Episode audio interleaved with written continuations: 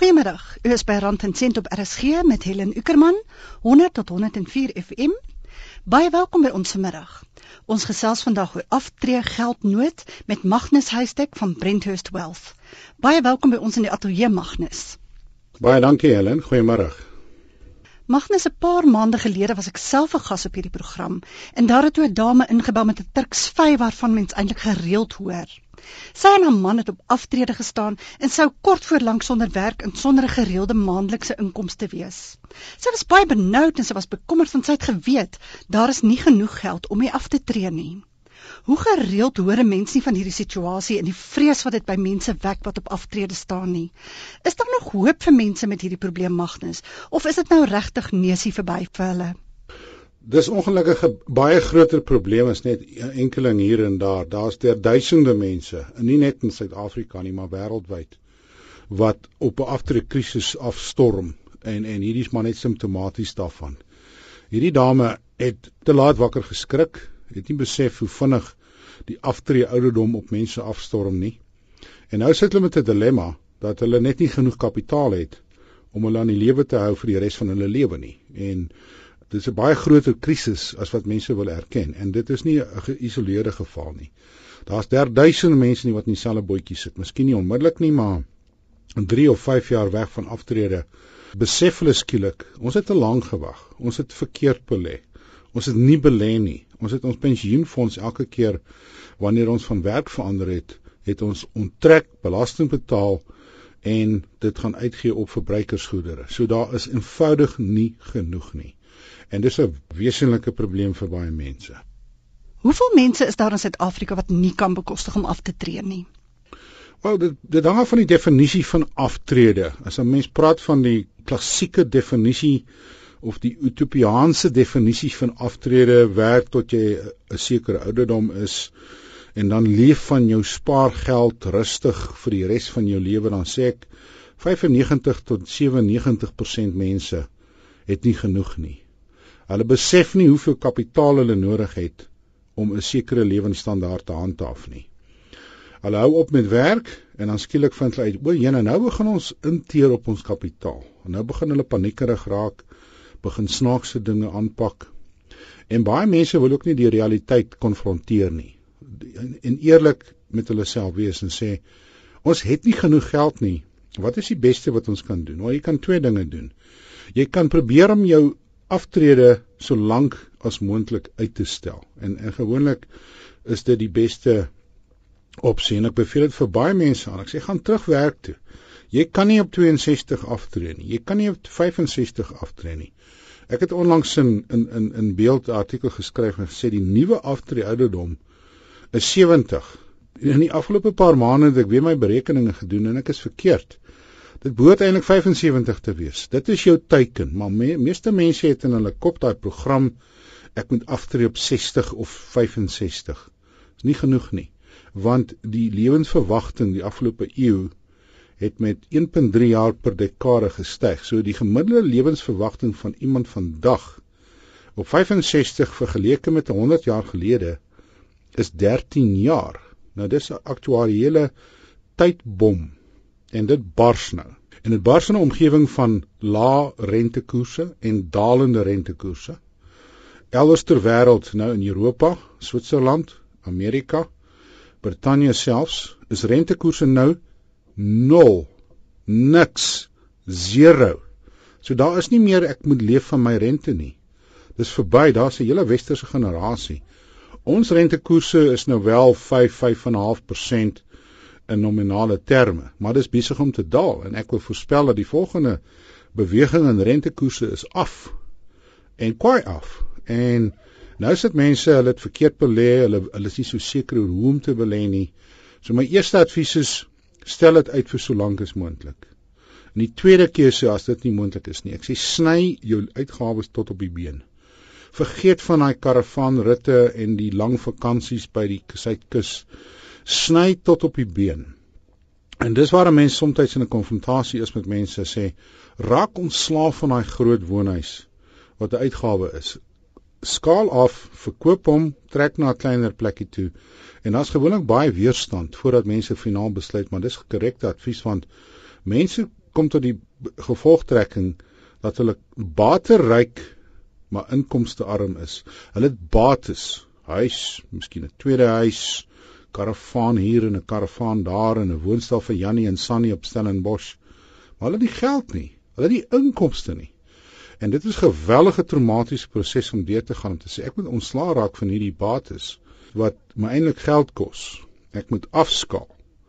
En gewoonlik vat dit 'n jaar of 3 dan werk die mense dit self uit en sê raak ontslaaf van hierdie bates. Ons gaan deur 'n siklus van ongelooflike afwaartse aanpassing om mense se lewe eenvoudiger te maak. U luister na Rand en Sent op RSG en ons gesels oor finansiële nood na aftrede met Magnus Huystek van Brenthurst Wealth. Vanmiddag se program word nie regstreeks uitgesaai nie en u kan dus nie vandag inskakel met vrae nie. Maar e-pos gerus u vrae of voorstelle oor onderwerpe waaroor u graag meer wil weet aan my en wie weet, dalk bespreek ons dit in 'n toekomstige program. Stuur die e-pos na helen.ueck@gmail.com.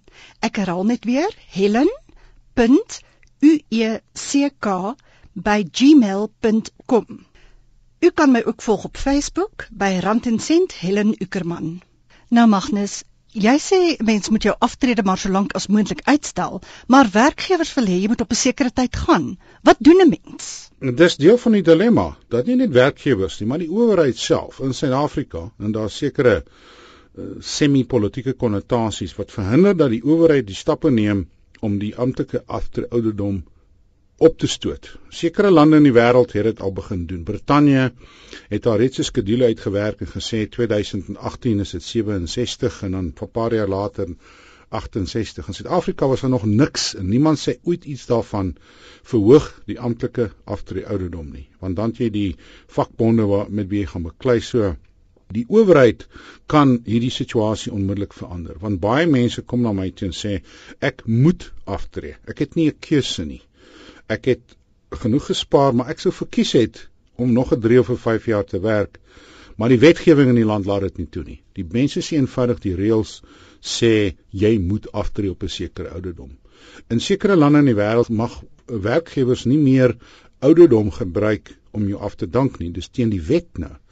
Ons behoort in daardie rigting te beweeg, maar vanweë die politieke druk van die vakbonde gaan dit nie gebeur nie want hulle sal dalk sê nee, Ons soek die ouer generasie uit die werksplek uit want ons wil die jongeres in die, in die werksplek in beweeg. Nou ek het baie simpatie met daai argument, maar dis deel van die antwoord. Die pensioenouderdom is wetlik ingeskryf selfs groot maatskappye soos byvoorbeeld nasionale pers waar hulle senior bestuurders op 60 moet aftree. Die mense is in die vleur van hulle lewe. Die die die wetgewing en die regulasie van die maatskappy sê tree af, weg is julle. Dis verkeerd. So die samelewing en ook natuurlik die owerheid moet hierdie situasie baie baie aan te spreek. Maar nie almal het nou tweede eiendomme en baie bates as hulle aftree nie. Wat sal mense te doen wat nou nie genoeg geld het nie? 'n Mens kan tog nie bloed uit 'n klip uittap nie. Watter raad het jy vir hulle? Jy kan beter belê. Daar's 'n element van applikasie van verantwoordelikheid. Mense applikeer hulle verantwoordelikheid. Hulle sê ag, ek het iets iewers dit lê in 'n pensioenfonds. Ek vertrou dat dit na my sal kyk. Wat hulle nie besef nie in die huidige omgewing is daar net twee mense wat na jou kyk in in terme van jou beleggings. Dis nie die maatskappy vir wie jy werk nie. Dis jy of jou adviseur. En baie mense abdikeer die verantwoordelikheid. Hulle wil nie tyd spandeer om betrokke te raak by hulle beleggings nie. Dit geld nie net op aftreepunt nie. Dit geld 5, 10, 15, 20 jaar voor aftrede wat jy dit behoort te doen. Jy moet deel vorm in my opinie vennootskap met adviseur en sê as ek op die regte pad belê ek in die regte bateklasse? Is ek in die regte fonds? Is ek in die by die goeie fondsbestuurders? Al daai vrae, maak ek gebruik van die belastingaftrekking wat ek kan doen ensovoorts. So jy moet bietjie oefening insit. Jy weet soos enige iemand wat vir die komreis oefen, jy moet die harde werk insit voordat jy die komreis gaan hardloop en baie mense is baie naïef en sê o my pensioenfonds sal eendag vir my kyk of maatskappy ABC sal na my kyk. Dis nie die waarheid nie want jy of jou adviseur maak die besluite. My vraag was as jy nou moet aftree en jy het nie genoeg geld nie. Jy het nie daardie dinge gedoen waarvan jy nou gepraat het nie. jy het nie behoorlik voorberei vir aftrede nie. Wat se oplossing is daar vir jou? Wel, soos ek gesê het, jy moet eerlik wees oor jou situasie. Afskaal as jy kan. Raak ontslaaf van jou bates as jy bates het om af te skaal. Kyk na jou totale prentjie en sê ek moet 'n tweede inkomste gaan verdien. Ek moet myself gaan heroplei, gee vir myself 'n jaar of 'n 6 maande. Ek moet weer terug in die werkerstroom kom. Dit is die realiteit en baie mense stel dit uit vir so lank as moontlik tot die werklikheid aan die voordeur klop. Ongelukkig is die lewe redelik ongenaakbaar wanneer dit kom by finansiële goederes. Jy het dit of jy het dit nie. En as jy dit nie het nie, moet jy dit op 'n ander plek gaan verdien. So jy stel voor mense laat daardie bietjie geld wat jy het met rus sodat dit verder kan groei en jy gaan werk en verdien 'n ekstra inkomste. As jy jou aftrede met 5 jaar kan uitstel, dit is die beste beste belegging wat jy ooit kan maak want a dis 5 jaar minder se onttrekking uit jou belegging en dis 5 jaar se groei en dan laastens ook 5 jaar se verdere bydrae. So ek sê vir mense, die beste beleggingsadvies wat ek vir jou kan gee is: werk vir 5 jaar langer. Dit gaan die hele verskil in jou lewe maak. En dan daai 5 jaar kan jy ook gebruik om maksimaal te spaar in die korrekte bateklas. En ek onderstreep die woord korrekte bateklas baie mense het nog steeds hierdie houding opinie geld in die bank, geld in die geldmarkie, dit gaan vir my sorg. Dit gaan nie vir jou sorg nie. Jy moet bietjie met die risikoprofiel opbeweeg. En daar's baie baie goeie fondse in Suid-Afrika wat uitstekende opbrengste lewer wat 100% veilig is in terme van eienaarskap en risiko's en so aan. Maar om een of ander rede word dit nie baie kwai bemark nie want die fooie wat adviseurs kan verdien is redelik laag. So en dis dis dan 'n kommersiële transaksie. Ons bemark nie die fonds nie, maar 'n goeie adviseur sal dit vir jou gaan uithaal en sê dis waar jy die geld moet belê sodat jy 8 tot 10% kan verdien met aanvaarbare risiko.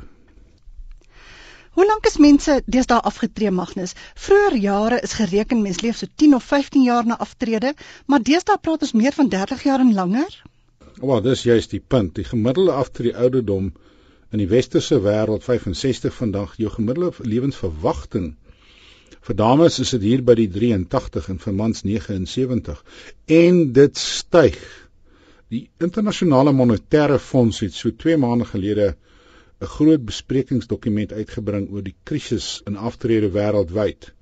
En dis 'n lywige dokument vir daai mense wat nie in die aande kan slaap nie maar hulle daar berekening uitgewys en gesê die aktuaries se die afgelope 50 jaar in terme van hulle vooruitskattinge was konsekwent te konservatief en dit skep nou vir pensioenfonde uh lande gemeenskappe enorme probleem want mense leef baie langer as wat mense 20 of 30 jaar gelede voorspel het.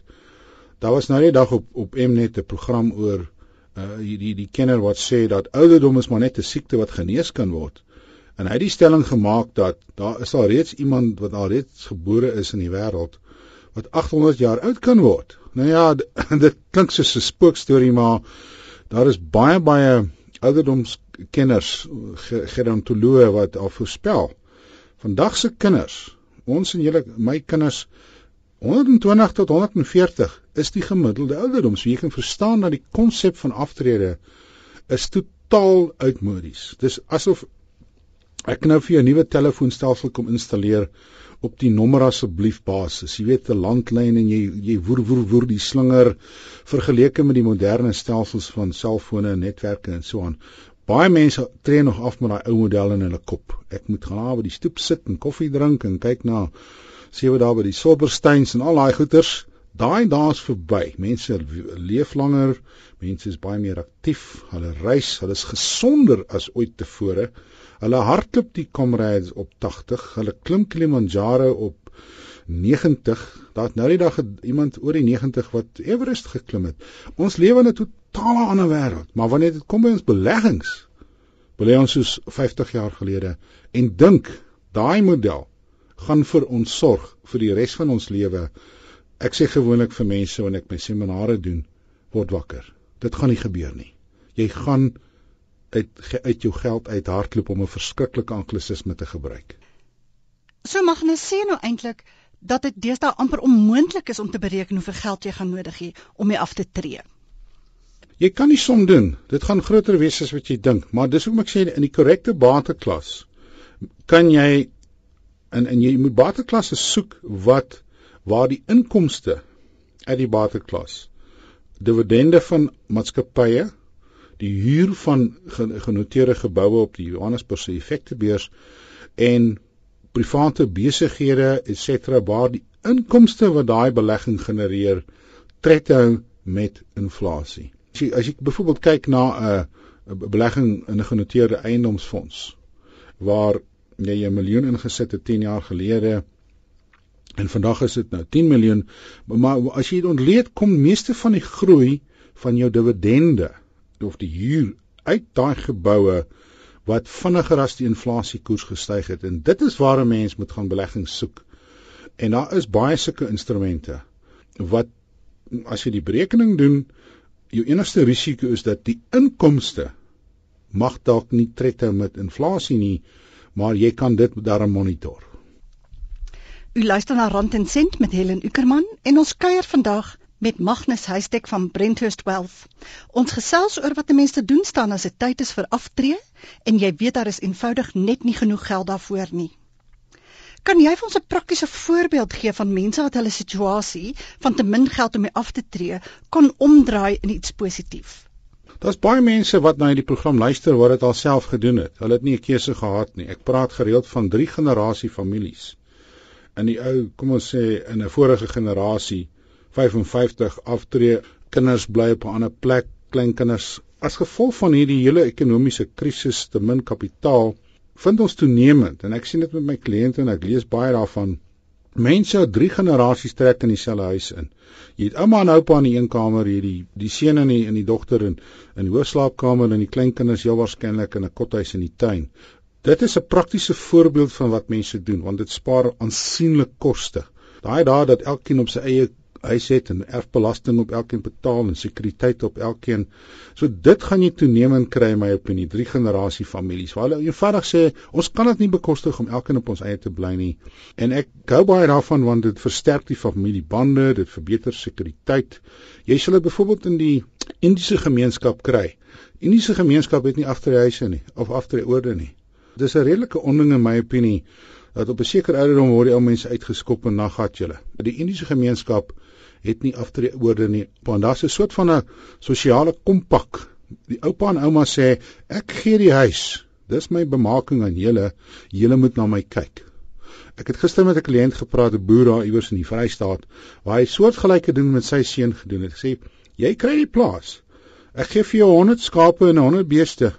Maar die transaksie is ek bly op die plaas En uh, jy elke nou dan slag jy vir my bees en jy slag vir my skaap. Jy moet my voer. Daar's baie sulke voorbeelde. Maar ons gaan dit toenemend kry as gevolg van die ekonomiese situasie waarin ons leef en wat ek nie dink baie vinnig gaan verander nie. Magnus, as ek nou vandag hier voor jou staan en ek is 23 jaar oud. Ek het pas begin werk. Wat sal jou raad aan my wees? 60 klink nog oneindig ver die toekoms in. Hoe lank is 40 jaar werklik in terme van voorsiening maak vir 'n mens se ou dag? Wel, dit is genoeg tyd, maar ek sê nog steeds vir jong mense, vergeet van aftrede. Bou op jou finansiële kundigheid op. Begin 'n werk en soek selfs 'n beroep waar jy nie aftreegebonde is nie, waar jy nie op 60 hoef af te tree nie. Baie mense begin hulle loopbane te beplan aan die hand van ek kan onbeperk aangaan met my werk. 'n Goeie voorbeeld is 'n advokaat of 'n prokureur of 'n mediese praktisyn. Hoe meer jy vir jouself kan werk en in beheer is van jou eie toekoms, hoe beter want dan jy besluit wanneer jy wil aftree. Wat ook gebeur is dat baie mense werk nou wel nie 5 of 6 dae per week nie, maar hulle werk nou 4 dae per week. Hulle word konsultante, maar hulle hou aan met werk. So vir jong mense sê ek, vergeet van 60. Raak ontslaaf van daai nommer in jou kop selfs 70, 75. Maar verbeter jou finansiële geletterdheid. Maak kennis oor finansiële produkte, die noodsaaklikheid om te spaar, raak finansiëel onafhanklik. Word finansiëel slim. Ek het toevallig in een van my jongste boeke 'n hoofstuk geskryf oor is ryk mense slimmer as arme mense. En daar's baie interessante navorsing wat ek gevind het waar Die uh, miljonêers in Amerika is die mense wat juis tweedehandse karre ry, bly in doeteenvoudige huise. Hulle werk is nie die populêre, die die glam, die wonderlike beroepe in so meer nie. Hulle doen gewoonlik die vuil werk wat mense nie gedoen wil hê nie, maar hulle begin van 'n vroeë ouderdom kapitaal opbou. En 'n baie interessante punt. As ek vir jou sê, wie is die rykste etniese klas in Amerika? Wat sal jou antwoord wees? Die Russe. Die Russe wat geïmigreer het van Rusland veral na die ineenstorting van die die Berlynse mure nou kon immigreer het as 'n subetniese kultuur sodat die rykste mense in Amerika. Hoekom? Omdat hulle besef het hulle is oorgelaat aan hulle eie kundigheid en harde werk en hulle het onmiddellik begine kapitaal opbou in plek van dit te bestee. En die tweede rykste etniese groep in Amerika is die skotte omdat dit so synig is. Maar ons kan baie by hulle leer. En ons jong kinders stap uit en koop 'n kar en 'n huis en dit gaan net te lekker, maar hulle bou nooit kapitaal op nie. Nou ja, mense is nooit te jonk om te begin spaar nie, maar wat is die voordele daarvan om jonk te begin? Jy wil daai klein kapitaal aan die groei kry. Jy begin dalk met klein bedrag, maar die einde van die eerste jaar het jy 20000, einde van die tweede jaar het jy 45000 en dan is begin hy te eskaleer omdat jy het saamgestelde groei. Hier by die 5de jaar het jy nou al 'n 6 miskien 200000 per jaar, maar nou eskaleer die 200000 en dit word al hoe vinniger en vinniger en vinniger. En ek kan getuig van baie baie mense wat ek oor jare sien spaar het, kapitaal opbou het. Dit vat lank. Jy moet besef 15 tot 20 jaar is jou teiken voordat jy wesenlike kapitaal opgebou het waar jy vir jouself kan sê ek is nie meer afhanklik van my dag tot dag beroep om vir my inkomste te gee nie. Ek het dit 30 of 40 jaar self vir my geformuleer. Ek het gesê ek gaan 'n beleggingsplan opbou waar ek op 'n kol kan sê ek kan vandag ophou werk maar my inkomste van my beleggings, het sy die aandelemark of of eiendomme of wat ook al, sal genoeg wees as my inkomste van my werk wegval. Dit is wat ek vir jong mense sê. Daar's jou teiken. Nie 'n miljoen rand in die bank of so iets nie, want dit beteken niks nie. Jy moet vir jouself uitwerk hoeveel inkomste het ek nodig en op watter punt gaan die inkomste uit my beleggings die inkomste van my werk oorskry. Dan is jy finansiëel onafhanklik. As jy nie vandag na die volle program kan luister nie, maar tog graag meer oor aftrede wil weet en hoe jy daarvoor kan voorsiening maak, kan jy Rand en Sent aflaai as 'n potgooi op RSG se webblad www.rsg.co.za. Gaan net na die webblad, klik op potgooi en tik die naam van die program in. Rand en Sent se vorige programme kan so in MP3 formaat afgelaai word of jy kan aanlyn luister. Kom ons gaan net weer terug na mense wat nou moet aftree en nie genoeg geld het om dit te doen nie. Waar kan hulle meer uitvind? Waar kan hulle gaan om raad in te win oor hulle situasie? Kyk, nou dat die regulatoriese eksamens verby is wat die hele bedryf moes geskryf het, al 140 000 adviseurs of mense in die bedryf het nou hierdie eksamen geskryf. Nou nie almal het geslaag nie, ek verstaan, net omtrent die helfte het geslaag. So wie kan met 'n geregistreerde adviseur gaan gesels wat nou deur die eksamens gekom het. Daai persone wat nie die eksamens deurgekom het nie, mag nie meer advies gee nie. So dis jou eerste punt. Jy vra vir iemand, is jy professioneel, is jy gekwalifiseer, is jy deur die eksamen, is jy geregistreer by die Raad op Finansiële Dienste. Dis die beginpunt. Dan vra jy vir daai persoon of watter produkte is jy gekwalifiseer om advies te gee. Die daarvan instap by adviseer dat jy enigiets kan verkoop van korttermynversekering tot mediese versekering tot buitelands. Daai daar's verby. En daar is baie adviseursfirmas wat spesialiseer op aftreebeplanning. En daar moet jy bietjie met Google speel. Daar's baie bekende handelsname, ek gaan nou nie name noem nie, maar jy moet op 'n kol sê ek wil met twee of drie mense gesels en hoor hoe hulle dit doen. 'n Verder punt wat jy kan maak, jy kan kyk is hy of die maatskappy 'n lid van die finansiële beplanningsinstituut. Dis 'n redelike professionele liggaam waar die meeste professionele adviseurs lede van is. En daar kan jy begin. Of jy vra vir jou kollegas, nee, wie is jou adviseur? Is jy gelukkig met hulle? Wat doen hulle met jou geld? Daar's baie webblaaie wat vir jou inligting gee. Jy kan na Moneyweb toe gaan of of of ShareNet en en baie van die adviseursfirmas het ook hulle eie webblaaie. So inligting is daar te veel. Advies is baie meer moeiliker om te kry. En dan vra jy ook vir die adviseur op watter basis werk ons vergoeding? Werk jy op kommissie? Werk jy op 'n fooi? Werk jy op 'n uurlikse tarief? Hoe werk julle stelsel? Mense moet die vrae vra. Ek hou van die stelsel waar ek en jy in vennootskap is, ek bestuur jou geld en in ruil daarvoor sal ek 'n persentasie van jou portefeulje vat, het sy halwe persent of 0,75% en dit moet gebaseer word op verhoudings wat opgebou word. Dit is waar 'n mens begin. Magnus, ons sê vir jou baie dankie. Ons het nou aan die einde van vanmiddag se program gekom. Rand en Sent is volgende Sondag terug met meer praktiese raad oor jou persoonlike finansies. Ons gas vanmiddag dan was Magnus Huystek van Brenthurst Wealth. Magnus, baie dankie. Altyd 'n plesier. Goeiedag.